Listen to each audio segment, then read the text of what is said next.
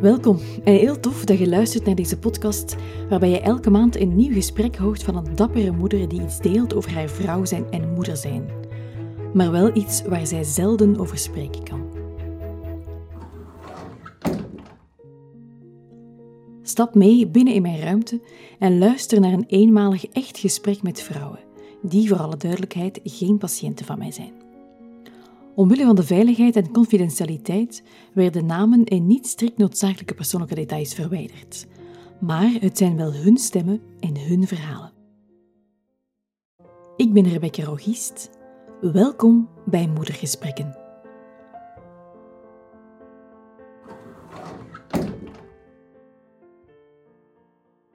Alle alarmbellen gingen bij mij aan. Ik dacht, oh nee. En op een gegeven moment was de, de nacht van vaderdag, want ik was onderweg naar mijn uh, ouders. Uh, word ik s'morgens gebeld door iemand. Ja, uh, hij is op, de politie is er twee keer bij geweest. Hij wil hier niet weg in de nacht. ik ben die en die en die. Kunt u hem opkomen halen? Dus hij was niet bij de politie, maar hij zat bij mensen die, die ik ook niet kende. Geen vrienden mm -hmm. of zo van hem. En toen dacht ik al, oh nee, we gaan, daar gaan we, daar gaan we. Dus dat, ja, hetzelfde liedje. Voor mij is het Marianne. Enkele jaren geleden terug 50 geworden, al meer dan twee decennia als zelfstandige door het leven gaande en heel bereid om te komen spreken.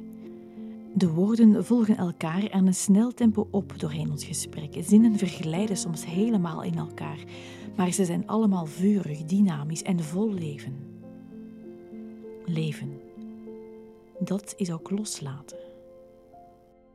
Ik denk dat iedere ouder, want dat moedergesprekken triggerden mij, dat iedere ouder uh, kampt, tussen aanhalingstekens, met loslaten van je kinderen. En uh, je denkt dat als ze volwassen zijn, dat dat dan makkelijk, makkelijk is.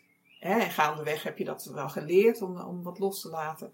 En ja, bij ons zijn wat dingen gebeurd waardoor dat best lastig is, het loslaten. En daar een manier in te vinden. En het gaat ook uh, daarin over psychische kwetsbaarheid van uh, mijn kinderen. En daar wil ik ook aandacht voor uh, vragen. Om, ja, iedereen die dat, er zijn heel veel mensen natuurlijk met een psychische kwetsbaarheid, om die ook een goede plek in de maatschappij te bezorgen en te gunnen. En dat is ook wel een zoektocht. En ook als moeder is dat, vind, je dat ook, vind ik dat ook belangrijk dat ze nou ja, een zinvol werk kunnen doen en een zinvol leven kunnen leiden, ondanks het, het feit dat ze ja, psychisch kwetsbaar zijn. Dus dat zijn eigenlijk twee dingen waardoor ik getriggerd werd. Dacht ik, ja, volgens mij hebben anderen daar ook wat aan. Loslaten. En ook niet één, maar twee kinderen met een psychische kwetsbaarheid. Hoe construeert zich haar verhaal? Drie uh, kinderen van mijn ex-man. Dus uh, toen ze 1, 3 en 5 waren, uh, zijn we gescheiden. En daarna ben ik uh, met, een, met mijn huidige man verder gegaan. En ja, eigenlijk die kinderjaren gingen ja, heel prima. Ik heb twee jongens en een meisje. En ja, gewoon, ja, gewoon echt goed. Ze gingen goed op school en geen gekke dingen. En, uh, en mijn jongste, mijn dochter is nu 23, uh, die kreeg vijf jaar geleden, is ze gestart met een HBO-opleiding. Na haar school, na haar middelbare school, waar ze altijd heel erg streberig was, heel, heel hard leerde. En op een gegeven moment ging ze dus op het HBO starten en ze, nou, 24-7 bleef ze studeren. Dus dat was een beetje veel van het goede. En op een gegeven moment raakte ze, nou ja, burn-out. Na acht, negen maanden op de studeren raakte ze burn-out. Ja. En dat vond ze, ja, ze moest ook stoppen met die studie. En dat was een enorme faalervaring. Enorme stress en trigger was dat voor haar. En moest ze stoppen van zichzelf of van het, van het onderwijssysteem? Of nee, ze, moest, ze, ze kon gewoon ook echt niet meer. Dus ze moest stoppen of tijdelijk. Of nou ja, in ieder geval moest, uh, moest ze iets. Want ze zat gewoon als een doodvogeltje op de bank. En ze kon gewoon helemaal niks meer. Dus, uh, nou, was thuis bij jou dan? Ja, ja, ze woonde nog thuis. En eigenlijk was... Ehm, nou ja, ze, ze kon niks meer. Ze kon echt niks meer. Niet meer dus, staan en niet meer slapen, niet meer eten, nee, niet meer... Nee, Nee, nee, ze zat alleen op de bank. Ik moest af en toe zeggen, ga even douchen, doe even wat anders aan. En uh, dat was het. Dat klinkt alsof er iemand echt het, uh, het stopcontact, uh, ja. de, uit het stopcontact heeft ja. getrokken. Ja, zo was het. En uh, nou ja, dat ging over in een depressie. En haar vader, dus de, de, de biologische man, ja, die kampte altijd met depressies. En ehm, ik heb een hele positieve inborst, dus ik dacht ook toen wij samen kwamen, oh dat ga ik wel even opfixen. Ik, ik ga hem wel even uh, opknappen, zeg maar. Nou, zo werkt dat natuurlijk niet. Dat, uh, dus ja, ik dacht wel van, oh jeetje. Uh, ja, dat kan erfelijk zijn. Uh, dat was wat er door je hoofd ging? Oei, ja, ja, dat, ja, ja, dat had ik wel. Maar goed, aan de andere kant dacht ik, nou oké, okay, daar komt het ook wel weer bovenop. Dus nou, zeg maar in februari 2017, maart 2017 werd ze dus depressief. En gaandeweg de zomer, zo naar mei, juni, knapte ze op. Ik dacht, oh, nou wat fijn. En uh, in die zomer ging het wel heel goed met haar. We gingen op vakantie. uh, een vriendin ging mee van haar, want de andere twee zonen gingen niet meer mee. En uh, nou, ze was compleet ontremd. Eigenlijk, ze had nooit vriendjes. Ze dronk nog geen drank. Ze was net 18. Maar nou, ging, alle remmen gingen los. Het ging heel veel geld uitgeven. Het ging met vreemde mannen mee. Um, uh, ze zei tegen mij, ja, ik, want ik probeerde het te controleren van, uh, doe eens rustig, wat is er aan de hand? Ja, ik krijg steeds meer een hekel aan jou, want ik zat te veel in de controle bij haar. Te veel probeerde ik op de rem te trappen. Zij vond dat of, of jij vond dat? Zij vond dat, zij vond dat. En uh, ja, maar ik dacht, wat gebeurt hier? Ze is compleet anders, helemaal. Ze sliep ook niet meer. Nou ja, alles was anders. Alles was anders. En daar zat Marianne dan. Met een dochter die na maanden in een depressieve staat verkerend plotsklaps 20 Duracell-konijnen tegelijkertijd leek hebben ingeslikt. 20 Duracell-konijnen die tegelijkertijd allemaal volle petrol gaven. Van niets naar alles, van wit naar zwart. Deze moeder die keek haar ogen uit. Haar dochter nam de ene na de andere jongen mee, was soms nachten weg. Permanente ongerustheid bij Marianne. Waar is ze? En dochterlief liet helemaal niets van haar horen.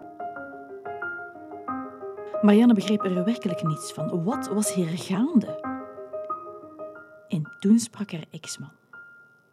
Volgens mij heeft zij een bipolaire stoornis. Dacht, oh, nou dat is het, hè, vanuit een depressie naar een manie, waar ze nu in zit.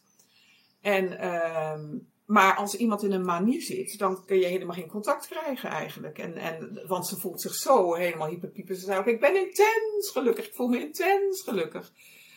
En je over kunt, de top. Over de top. En je hebt dus, krijgt ook geen contact meer, om, omdat ze denkt, ja, alles gaat gewoon supergoed. Dat hoort gewoon bij het ziektebeeld. Dus toen ik dat uh, zag, inzag, kon ik ook anders naar kijken. Want ik voelde me ook heel erg gekwetst, want we waren altijd heel close. En ze zei, ja, ik krijg steeds meer een hekel aan jou.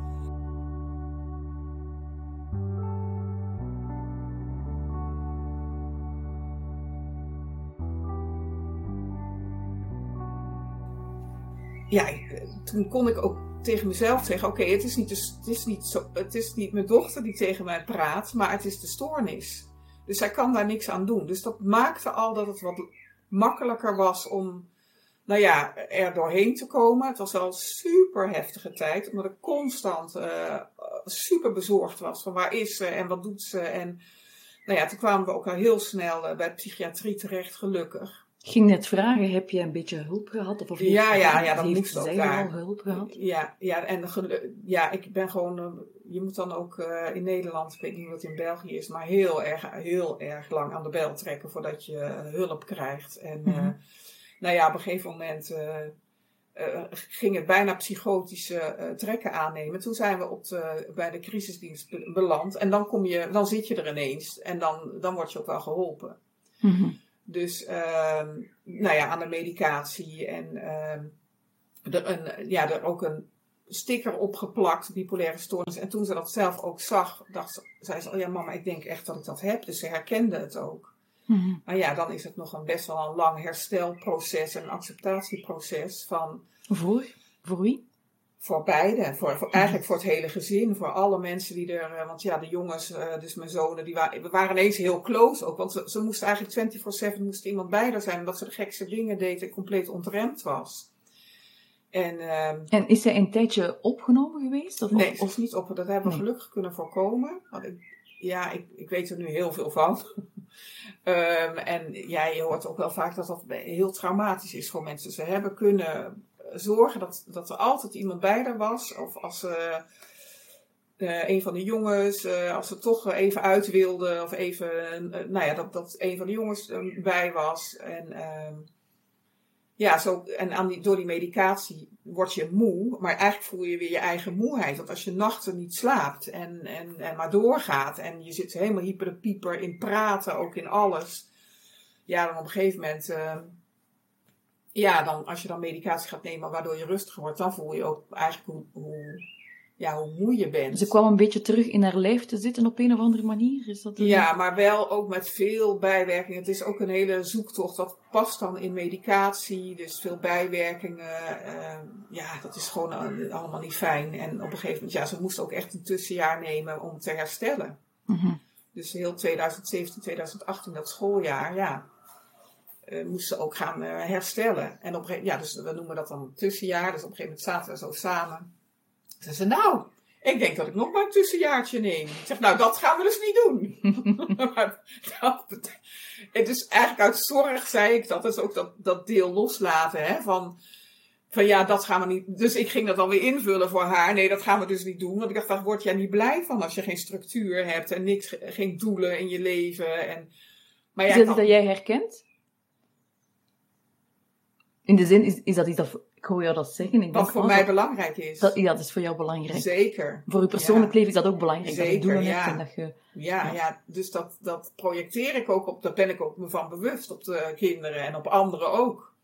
In het professionele leven kan ik dat wat meer, kan ik dat beter uh, bij de ander laten dan bij mijn eigen kinderen. Dat is, uh, dat is wel een, uh, en soms bij vrienden ook hoor. Dan denk ik, ja, ik vind er wel wat van. Maar wil je het ook horen? Weet je wel, dus het zit ook echt wel in mijn aard. Dat, willen adviseren en helpen en uh, het goed willen doen en uh, zorgen dat, dat diegene een stap gaat maken. En dat wilde ik ook bij haar. Maar door dat zo te doen, hadden we direct geen contact meer. Dus daar ben ik wel aan het worstelen Is Oké, hoe kom ik daar dan? nou, wat ga je dan doen? Wat wil je dan? Nou, dat was ook nog te sturend.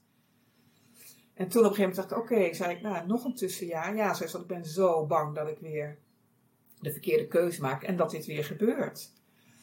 En zei ik, ja, dat begrijp ik ook, want het was ook super heftig. Dus toen hadden we wel contact. Dus als je eigenlijk een beetje afstand kunt nemen en het daar kunt laten en er wel bent, helpt dat meer in echt contact dan dat ik het allemaal.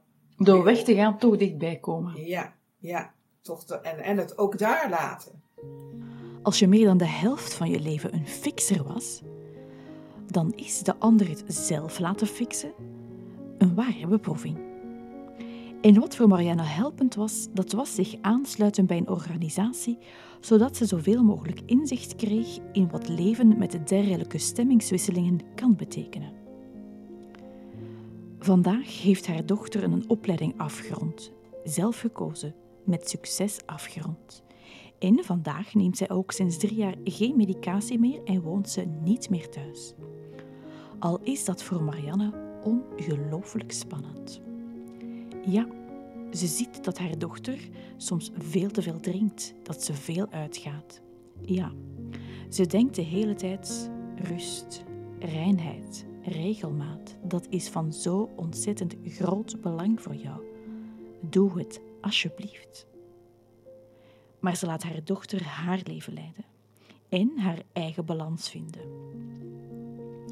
Kijk, zegt ze, haar psychische kwetsbaarheid die blijft. Er is een soort van cirkel waarin depressieve episodes worden afgewisseld met manische de pieper-episodes. En met wat geluk zitten er vaak ook wat meer stabielere periodes tussen. Maar, zegt ze, het blijft gewoon best spannend. Ik heb daar ook een manier in te vinden. Ik kan niet alles controleren. Door steeds te zeggen: drink nu niet te veel, duw ik haar eigenlijk weg. Het is samen zoeken naar de gepaste nabijheid. Dat is best een lastige. En ik ben ook de, e- de eerste steeds die signaleert dat er iets eh, aan de hand is. En dat er. Ja, en dat, dus ben ik ook altijd die boeman, boevrouw van, oh ja, nou, daar komt ze weer hoor. Eh, en achteraf blijkt ook iedere keer wel weer dat, het, dat dat weer een trigger was. En dat we eigenlijk al in moeten grijpen. Je zet haar alziend oog, zo klinkt het bij mij. Ja. Als, als, ik, als ik jou zo hoor, ben jij het Ja. alziend oog Ja. voor haar. En dat vindt zij niet zo aangenaam, of wel? En nou ja, dat is ook dubbel. Want zij weet ook dat het heftig kan zijn als we in depressie of in een manie belandt. Dus je hebt ook je naasten heel erg nodig. Ook vriendinnen die op een gegeven moment bij mij komen. Ja, volgens mij gaat het niet zo goed, want eh, dit en dat en dat. Eh, en we hebben haar proberen aan te spreken, maar ze wuift het weg. Ja, dat zijn dan dingen waar je dan weer gesprekken over moet hebben.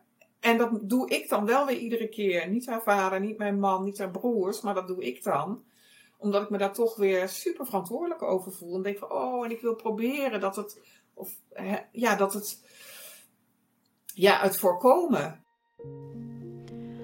Als ik Marianne hoor vertellen, dan krijg ik spontaan het beeld van een soort controller voor mij. Iemand die permanent hyperalert is, alles in de gaten houdt, 24/7, 365 dagen per jaar. Hoe lang kan een mens dit volhouden? Hoe lang gaat Marianne dit volhouden? Ze is vandaag een vijftiger. Ze is dit al heel wat jaren aan het doen. Tot ze 80 is? 90? Staat daar überhaupt een datum op?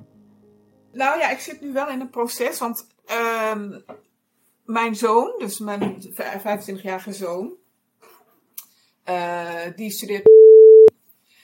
En ik heb dus nog een zoon die is arts, eh, dus eh, de, de oudste. Ehm, en hij heeft ook een vriendin, die arts heeft ook een vriendin, die is ook arts. Dus ik denk altijd wel van, nou ja, we gaan het allemaal wel redden met elkaar. Niet omdat, weet je wel, van, zij kunnen ook vaak wel relativeren. Maar mijn tweede zoon, die heeft ook al twee keer een depressie gehad. Ook door stress eh, tijdens zijn studie. En hier verschijnt haar tweede kind met een psychische kwetsbaarheid op scène. Een twintiger, wonende op zijn eigen plek en gekend met eerder depressieve episodes in het leven. Een jaar geleden echter verschenen opeens wel veel berichten op social media. Berichten waaruit deze moeder kon opmaken dat hij s'nachts toch wel erg vaak in de snat leek rond te dolen. Gaat het wel? vroeg ze hem op een keer. En de jongen, waar ze haar hele leven lang geen enkele keer ruzie mee had gemaakt, gedroeg zich nu als een nooit geziene, boze man die vond dat zijn moeder zich vooral, maar vooral met niets moest bemoeien. Alle alarmbellen gingen bij Marianne af. Opnieuw. Op een ochtend na vaderdag kreeg ze telefoon van onbekenden. Mevrouw, ik geloof dat de man die bij ons zit uw zoon is. De politie is hier reeds enkele malen geweest. Hij wil hier niet weg. Dit is mijn naam. Dit is mijn adres. Kan u hem alstublieft komen halen?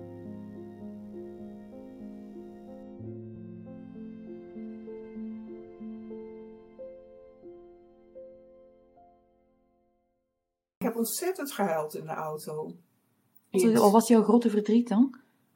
dat hij ook weer voor het leven die kwetsbaarheid heeft. Ik weet wat een struggle het is gewoon van mijn dochter. En ja, ik dacht, oh nee, ja, en ook gewoon voor ons allemaal. Voor ons allemaal huilde ik van, oh ja, die, zeg maar, die, ja, wat ik bij mijn oudste heb, dat ik het gewoon los kan laten. Denk, nou, dat komt allemaal goed. En die is volwassen en die heeft een leuke vriendin en die, uh, die gaat, ja, die gaat gewoon, nou ja, dat weet je natuurlijk nooit, maar daar kan ik echt afstand van nemen qua een normale manier met volwassenen omgaan, met je kinderen omgaan.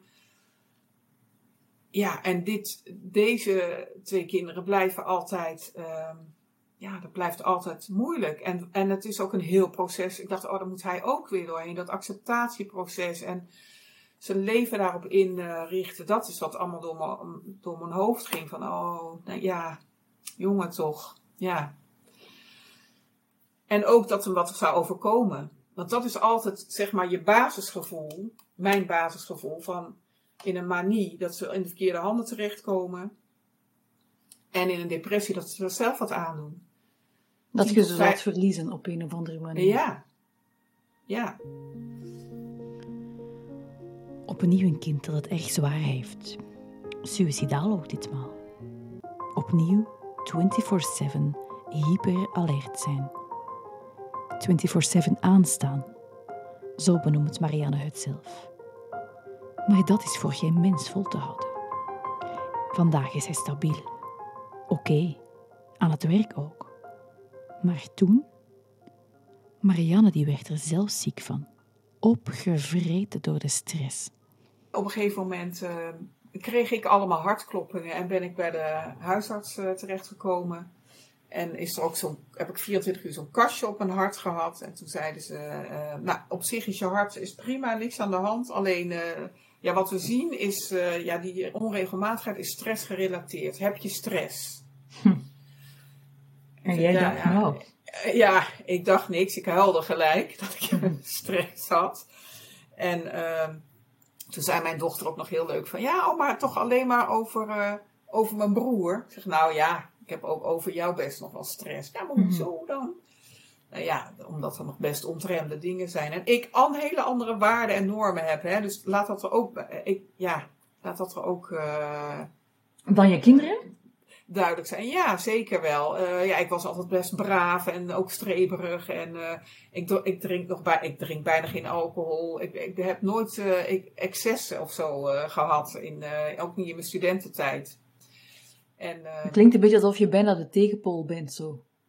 Ja, terwijl we heel veel op elkaar leken, mijn, eh, mijn dochter en ik. Uh, want zij was natuurlijk ook een streber en ook, uh, weet je wel, totdat, die totdat ze uh, zo hard aan het leren ging dat het misging. Mm En toen is het eigenlijk helemaal veranderd. Haar hele gedrag is daardoor eigenlijk wel mhm, veranderd. En nu is het wel stabiel, maar nog zie ik dingen dat ik denk, nou, ik weet niet of dat nou zo handig is. Maar goed, zij moet, dat is haar proces. Dat heb ik echt los te laten. En toen dat gebeurde met die hartklopping, dacht ik, ja, dat is wel een teken. Mijn, mijn lijf geeft eigenlijk wel aan dat ik uh, daar, ja, dat dat niet goed gaat. Toen ben ik een paar dagen, uh, een paar keer met een uh, praktijkondersteuner gaan praten. Mm -hmm. En zij zei ook, ja, je staat gewoon 24-7 aan. Ja, daar word je ziek van. Mm -hmm. Ja, dat, dat snapte ik ook. Dacht ik, ja, dan moet ik dus ook echt anders gaan doen. Dat wil ik ook anders doen. En hoe ga ik dat dan doen? Nou, als ik ik, ik was altijd degene die appjes stuurde. Zeg van hoe gaat het nou? Is het nou? Iedere keer erachteraan om te kijken, gaat het wel goed? Eigenlijk om te monitoren. Um, ik, uh, um, ja, s'nachts keek ik steeds uh, in de zomer, hè, in die manische periode van mijn zoon, keek ik -hmm. constant op die telefoon van, oh wat doet hij nou weer? Waar is hij nu weer? Wat zijn het nou weer voor gekke filmpjes? En ja, dus ook mhm. slapen, uh, dat ja, ging ook heel lastig. Mm -hmm. En uh, dacht ik, ja, dat wil ik gewoon anders. Ook voor de kinderen. Weet je, het is ook niet fijn om altijd uh, ja, je moeder op je dak te hebben van uh, gaat het wel goed? En mm-hmm. ja, en de signaleerder te zijn. Dat kon je wel zien, ja, dat kon je wel zien. Ja, ja. Dus ik dacht, ja, dat, dat, dat wil ik ook echt anders. Nou, wij wilden deze zomer een mooie reis gaan maken, mijn man en ik, van drie weken. Maar eigenlijk durfde ik dat ook niet. Ik dacht, ja, in, in die zomer hebben we altijd wel iemand die manisch is. En uh, ja, dat, dat vind ik toch wel heftig om dan zo ver weg te zijn. En toen dacht ik, ja, dat gaan we toch gewoon doen. Uh, want hun vader is er nog en hun broer is er nog en ze zijn er met elkaar nog. En wij gaan gewoon. Dat is ook om vertrouwen te, te geven aan de kinderen. Van nou, volgens mij kunnen jullie dat ook zelf en kunnen jullie best drie weken hè, uh, kunnen wij gewoon weggaan en wij vertrouwen erop dat het gewoon goed gaat. Mm-hmm. En uh, wat ik nog steeds lastig vind, maar we gaan het wel gewoon doen. En ik ga er met volle teugen van genieten. En uh, ja, dus, dus dat is dat loslaten. En ook niet meer s'nachts steeds op die telefoon en iedere keer het van mij af laten komen. Dus ik heb ook gezegd, nou, als jullie me nodig hebben, niet dat ik nooit meer app of zo, maar ik app nog steeds veel. Maar uh, ja, dan weet je me te vinden. Dus het ook meer bij de ander te laten en hun, uh, ja, daarin hun weg te laten vinden. Mm -hmm. En wij zijn er toch wel. We zijn er toch wel. Dus dat, dat, ja, dus daar zitten we nu in, in dat proces van, ja, dat ze hun eigen leven hebben en daar ook mee, ja, moeten leren leven, hoe, hoe ga ik dat dan doen? Hoe moeilijk dat ook is. Mhm. Maar daar wel hun eigen weg in te vinden. En, en dat heb je dus als ouder, en dan vooral vind ik als moeder, zo voel ik dat dan, hè, maar misschien is dat niet zo. Eh, is dat een, eh, is dat, vind ik dat wel een opgave. En tegelijkertijd moet het gewoon. Mhm. Om, om een goed contact te houden met je kinderen. Afstand nemen om dichterbij te komen. Zo lijkt het. En wat ik mij al een tijdje afvraag, vraag ik haar gewoon. Haar vermeende nood om alles onder controle te houden, om geen lijden bij de ander al te lang laten bestaan. Is dat iets dat zij kent? Dat in haar leven nogal aanwezig is geweest? Dat er vroeger ook al was? Nou ja, ik heb wel altijd het gevoel gehad van ik moet het. eh, nou ja, ik zal verder. Ik heb wel best wel lastige dingen meegemaakt in mijn jeugd. En ik heb wel altijd het gevoel gehad ik moet het gewoon eh, alleen doen en zelf doen en zelfstandig doen. Eh, en dat doe ik gewoon door hard te werken, zeg maar. En door. ehm, ja, dus dat is dan wel een soort controle die je, die je zelf. ehm, die je jezelf oplegt. Hè? Dus ik, ik- ja, en, en ook dat je alles goed wil doen. eh, de- en ook zo het zo'n basisgevoel van eigenlijk van ik ben het niet waard om van te houden. Dat heb ik wel heel erg eh, gehad. Mhm. En dan ga ik maar heel hard werken en dan hou van mij, hou van mij. Dus zie dat- mij, dat- zie mij. En ja, zie mij. Ja, precies. Dus ik heb ook in 2007 ook een burn-out gehad. En ehm, nou, toen kwam dat ook allemaal wel naar voren. En ehm, heb ik echt van mijn leven anders ingericht. En daar meer balans in gezocht. En ook gedacht van ja, weet je, voor wie ben ik nou nog keihard dat aan, mijn best aan doen. Overal, hè? niet alleen in werk, maar in relatie, in een goede moeder zijn, een goede vrouw zijn, een goede vriendin zijn, in alles. Mhm. Ehm, dus eh, daarin heb ik wel geleerd dat meer los te laten en meer te kunnen genieten. Maar je kinderen, dat is natuurlijk zoiets. Ja, hoe zeg je dat? Zoiets. eh, ja, ik kan het niet eens onder woorden brengen. Eh, ja, daar wil je zo graag. Dat wil ik het allerliefst. Dat ze gelukkig zijn en blij zijn. En dat ze een goed leven hebben. En ook wat ik heb gemist in mijn opvoeding. Die betrokkenheid die er niet was. Heb ik gewoon t- 200% aan mijn kinderen gegeven. Ja, dat, en dat is ook wat nu eigenlijk parten speelt. Te weinig is niet goed, te veel is ook, Nee, ook, nee, dus geeft dat- ook dus- miserie. Eh, Precies, precies. Dus ik, ik kan dat heel goed uitleggen waar het vandaan komt. En dan heb je nog, nou ja, dan heb je het anders te doen.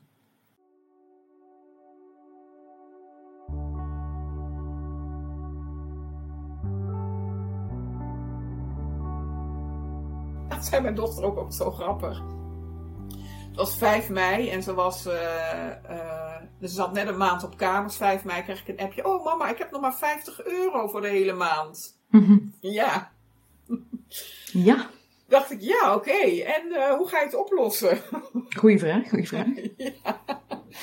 Dus ehm, ja, dan eh, eh, kan ik weer gelijk voor gaan schieten of weet ik veel wat allemaal. Dan denk ik, ja, nee, maar dit is wat je moet leren. En dan kan ik ook met allerlei preken komen, maar daar heeft ze ook niks aan. Nee. Dus ze zei, laatst zei ze ook, ja mam, want je hebt me er allemaal voor gewaarschuwd, maar ik ben heel hard leers. Ik zeg, oh fijn dat je dat zelf zegt, daar ben ik echt heel blij om.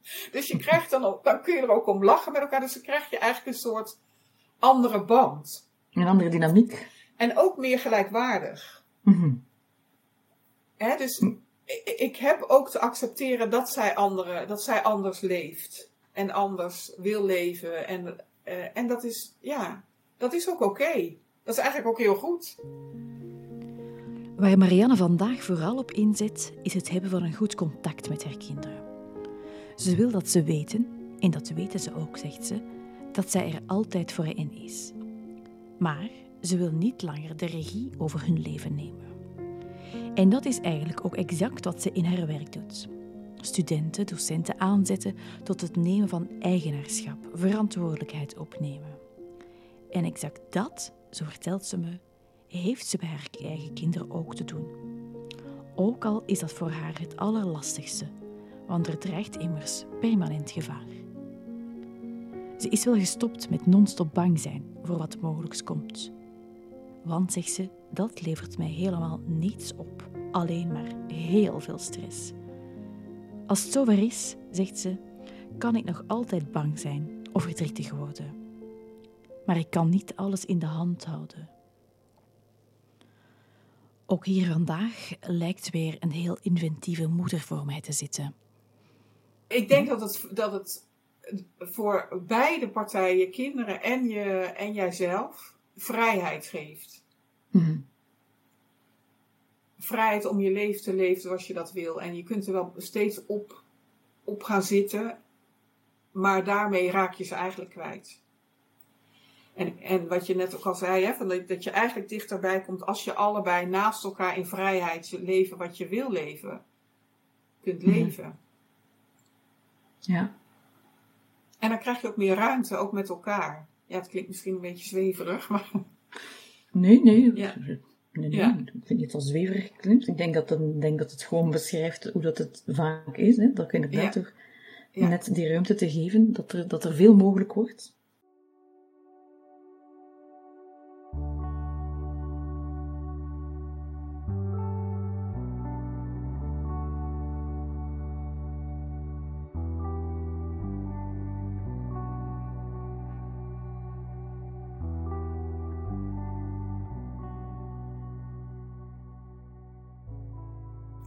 Heb je het gevoel dat je op dezelfde manier moedert of uw eigen moeder?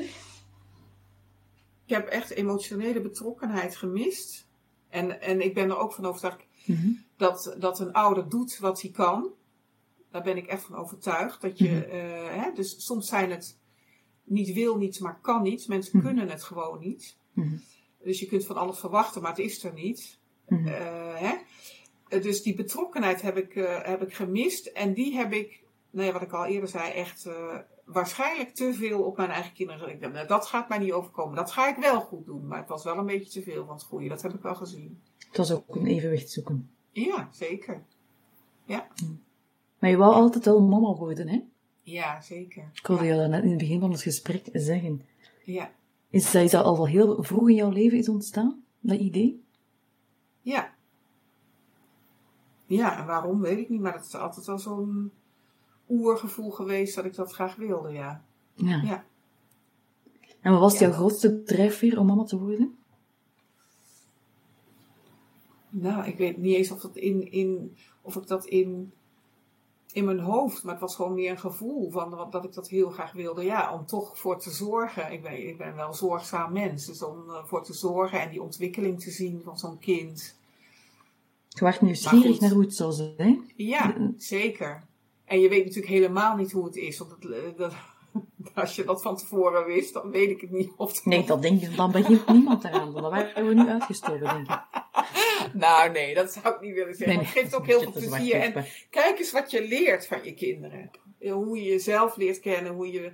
Ja, alles wordt vergroot. Kijk, en dan, en dan in andere relaties doe je ook hetzelfde, maar op een, andere, maar op een mindere manier. Maar ik denk echt dat hoe je het met je kinderen doet, dat dat ook een parallel proces is hoe je met anderen eh, omgaat. Mhm, mhm. Zo ziet Marianne uit. Hoe je met je kinderen omgaat, toont vaak aan hoe je met anderen omgaat.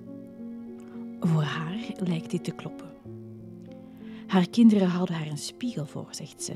Haar kinderen dwingen mij om naar mezelf te kijken. En zij wendt haar blik niet af. Deze vrouw werd en wordt door haar kinderen intens geappelleerd op haar moeder zijn. Maar wat wil de moeder in haar nog? Nou, daar werk ik aan, zeg maar. Of dat, eh, hè, dus dat ze altijd weten dat ze, bij mij, dat ze bij, bij mij terecht kunnen, voor wat dan ook, wat er ook is. En volgens mij is dat er al, dus dat is heel fijn. Mhm. En ik, de, de- een droom is dat ik zie hoe ze zich blijven ontwikkelen en dat ze gelukkig eh, zijn en gezond. En dat ze ondanks hun kwetsbaarheid een prettig leven kunnen leiden en daar een, een, een weg in vinden. Mhm. Dat hoop ik voor, ja, en dat ik ze daarin eh, mag, eh, ja, naast eh, mag blijven lopen. Op afstand, maar het doet Ja, ernaast. ja, zeker. Ja. En als vrouw, want dat is natuurlijk één stuk moeder zijn en je bent ook een vrouw. Wat wil de vrouw in u nog? Wat wil de vrouw in mij? Nou ja, eigenlijk wat ik, ik, wat ik nu doe, vind ik heel fijn, is om. eh, eh, ja, is dat dan in de vrouw? Ja, weet ik niet. Om mensen daarin eh, hun stap in hun ontwikkeling te laten maken. Daar, dat is waar ik altijd mee bezig blijf. Hm. Dus dat. ehm, ja, dus daar haal ik ook heel veel eh, voldoening uit. Mhm. Ja, en als vriendin, eh, met vriendinnen en met mijn man is het eigenlijk hetzelfde. Van, eh, ja, het is nou niet zo dat ik iedere dag, kijk net of ik daar iedere dag mee, ik heb ook gewoon. Nee, hè, dat een, zal eh, ook wel wat zijn. Ja, precies. Nou, het was wel grappig, want mijn schoonmoeder, dus mijn ex-schoonmoeder, de, de moeder van eh, de, De oma de, zeg van- maar, de oma hè, van de kinderen. eh, die was altijd heel, eh, die werd op een gegeven moment een beetje dement. En die zei, oh ja, ja ik snap wel dat, eh, dat de kinderen bipolaire stoornis hebben. Want eh, haar zoon is depressief en jij bent manisch, zei ze. Ah, voilà. dat En die dacht, dat is zo- geklukt. Ja, dat, zo, ja, je bent altijd zo enthousiast en vol levensenergie. En, eh, oh ja, nee, dat snap ik wel. Dus nou ja, daar maken we soms ook grapjes van. Oh ja, mama is weer manisch. Of eh, mama maakt, weet je wel. Ja, ja, dat, ja, die energie die heb ik gewoon ook altijd. Dus daar hoef ik ook niks voor te doen. En die positiviteit ook. Dus dat is, ja, dat is gewoon ook mooi meegenomen. Lijkt me. Ja. Ja. Ja.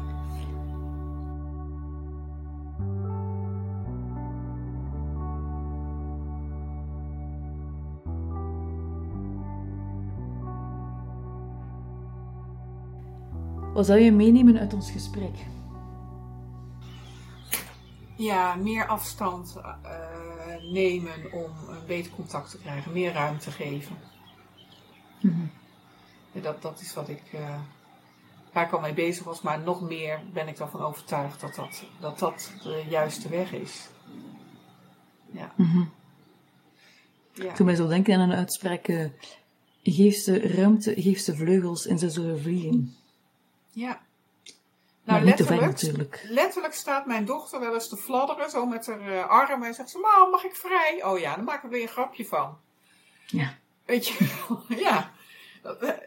Dus dat is, eigenlijk is dat ook zo mooi om zo'n zo'n contact met je dochter te hebben. Dat je dat gewoon met elkaar kan delen. Ik kan ook delen dat ik het lastig vind om los te laten. Dus, dus ook daarover hebben. Mhm. Eh, dus jezelf daar ook kwetsbaar in opstellen. Van ja, ik vind dat ook moeilijk. Ik ben daar ook in aan het leren. Ja.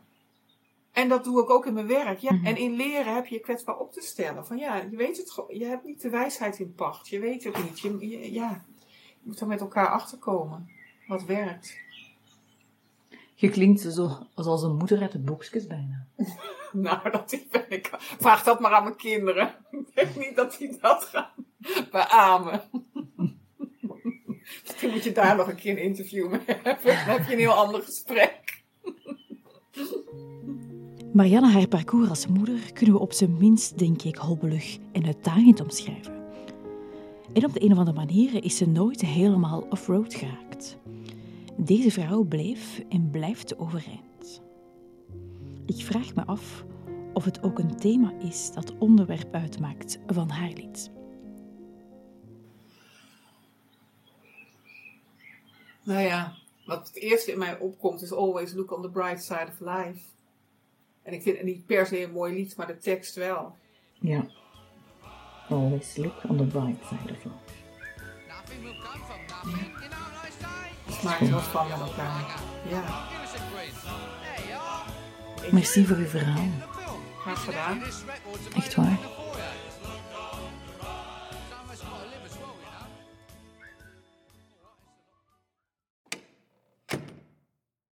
Merci dat je opnieuw hebt geluisterd naar een aflevering van Moedergesprekken.